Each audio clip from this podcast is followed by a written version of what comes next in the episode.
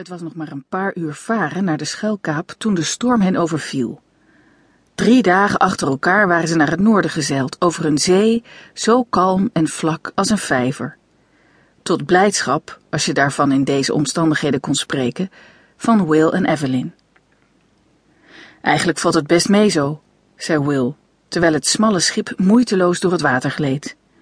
Hij had altijd vreselijke verhalen gehoord over hoe zeeziek mensen konden worden als ze met een boot de zee opgingen. Maar dit zachte deinen deed hem niets. Evelyn knikte, maar was duidelijk minder zeker van haar zaak. Een echt ervaren zeevaarder kon je haar niet noemen. Maar het was zeker niet haar eerste zeereis. Als het weer maar zo blijft. Ze had gezien dat kapitein Eric af en toe bezorgd naar de noordelijke hemel keek en hoe hij dan de roeiers van de wolfswind tot een steeds hoger tempo aanspoorde. Eric wist uit ervaring dat dit soort rimpelloze zee de kalmte voor de storm kon betekenen. En een zware storm ook, vermoedde hij vandaag. Aan de noordelijke horizon stapelden zich donkere wolken op. Hij besefte maar al te goed dat de wolfswind de volle laag zou krijgen als ze er niet in slaagden de schuilkaap te ronden en daarachter voor anker te gaan voordat de wind echt aanwakkerde. Minutenlang berekende hij in zijn hoofd afstanden en snelheden en vergeleek hij hun voortgang met die van de wolken die dreigend op hen af leken te komen. We halen het net niet, concludeerde hij uiteindelijk tegen Swengal. Zijn rechterhand knikte. Het is niet anders, antwoordde hij filosofisch. Arak speurde intussen het dek van zijn schip af, op zoek naar dingen die nog vastgescheurd konden en moesten worden. Zijn oog viel op de twee gevangenen, die dicht bij elkaar in de boeg zaten. Bind die twee maar aan de mast, zei hij. Dan zet ik het roer wel vast. Will en Evelyn zagen Swengal op en afkomen, een rol touw in zijn handen. Wat is die nou van plan? vroeg Will zich af. Ze denken toch niet dat we er vandoor zullen gaan? Maar Swengal hield stil bij de mast en wenkte hen. Ze moesten naar hem komen. Met tegenzin stonden de twee jongelui uit Araloen op en begonnen wat onzeker in zijn richting te lopen. Will merkte dat het schip al sterker heen en weer ging en dat het ook harder was gaan waaien. Terwijl hij naar Swengal liep, verloor hij bijna zijn evenwicht.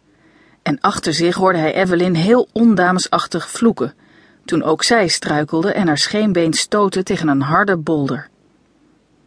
Swengal trok zijn grote mes en sneed twee stukken touw af. Bind jezelf maar stevig vast aan de mast, zei hij. Straks krijgen we de moeder van alle stormen over ons heen. Bedoel je dat de wind ons anders misschien overboord zal blazen?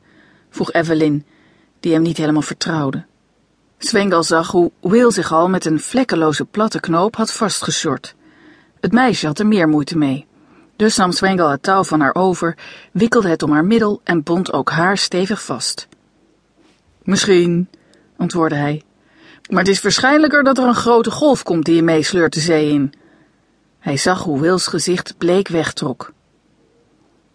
Je bedoelt dat de golven misschien wel over de rand van het schip zullen komen? vroeg hij. Zwengal grimlachte hem vreugdeloos toe. Oh ja, dat zit er dik in, antwoordde hij en liep snel naar achteren, waar de kapitein al druk bezig was het grote roer vast te zetten. Will moest een paar keer slikken. Hij was er eigenlijk altijd van uitgegaan dat een boot als deze net als een meeuw op de golven zou blijven drijven. En nu vertelde ze hem doodleuk dat er een vette kans was dat de golven straks dwars over het schip zouden slaan. Hoe zouden ze dan in hemelsnaam blijven drijven? vroeg hij zich af. Oh God, kijk nou daar, zei Evelyn ineens en wees naar het noorden.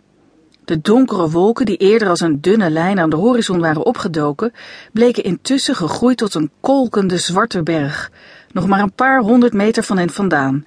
En die berg kwam sneller dan een paard kan galopperen op hen afgestormd.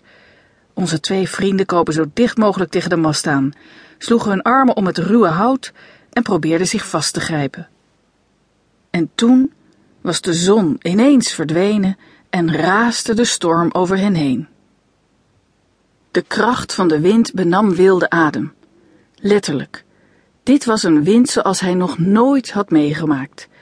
Dit was iets levends, iets woests, een oerkracht die hem vastgreep, verdoofde, verblindde, de lucht uit zijn borstkas zoog en niets achterliet om hem weer te vullen. Uit alle macht